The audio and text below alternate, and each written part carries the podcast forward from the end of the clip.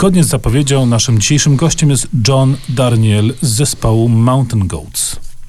John przyjechał do Polski na zaproszenie festiwalu Ars Silesia Cameralis i tam się z nim spotkaliśmy w Katowicach w klubie Hipnoza. Przyjechał w podwójnej roli, bo przyjechał jako wokalista zespołu rockowego, ale również jako powieściopisarz, a ma już na koncie trzy powieści. Niestety nie przetłumaczone jeszcze na język polski, ale pracujemy nad tym i obiecujemy, że wkrótce to się zmieni.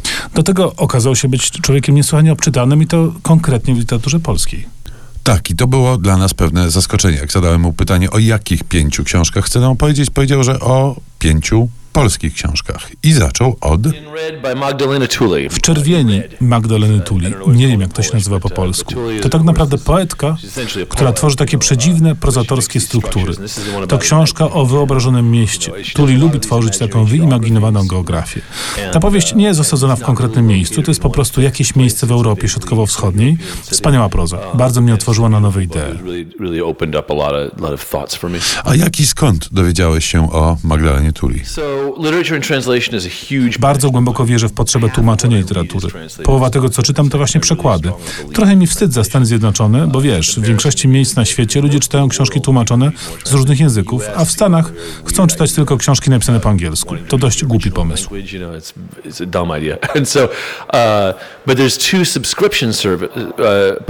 Na szczęście działają tam dwaj tacy wydawcy jak Open Letters z Rochester i Archipelago Books z Nowego Jorku, którzy oferują subskrypcję.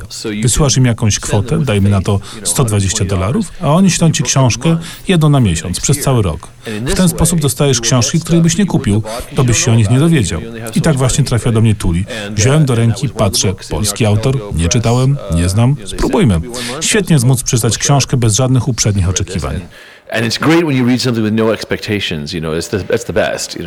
Kolejna książka na liście Johna Darniela to krakowski klasyk. Uh, the Mighty Angel by Jerzy Pilch.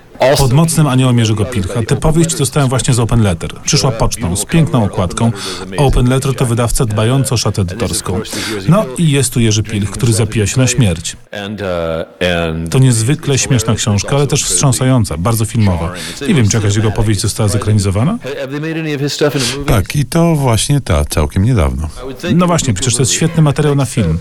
Naprawdę doskonale się bawiłem przy lekturze. Myślę, że ta powieść powinna dotrzeć do większej ilości czytelników w Stanach. Stanach. Świetnie się czyta, strona leci za stroną, myślisz, że przeczytałeś rozdział, a to już połowa książki.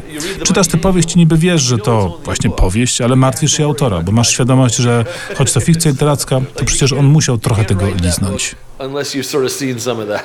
Muzycznie pozostaniemy jeszcze chwilę w Krakowie. Muzyka Abla Korzeniowskiego z filmu Anioł w Krakowie, a po krótkiej przerwie wrócimy do polskiej piątki z literatury Johna Darniela.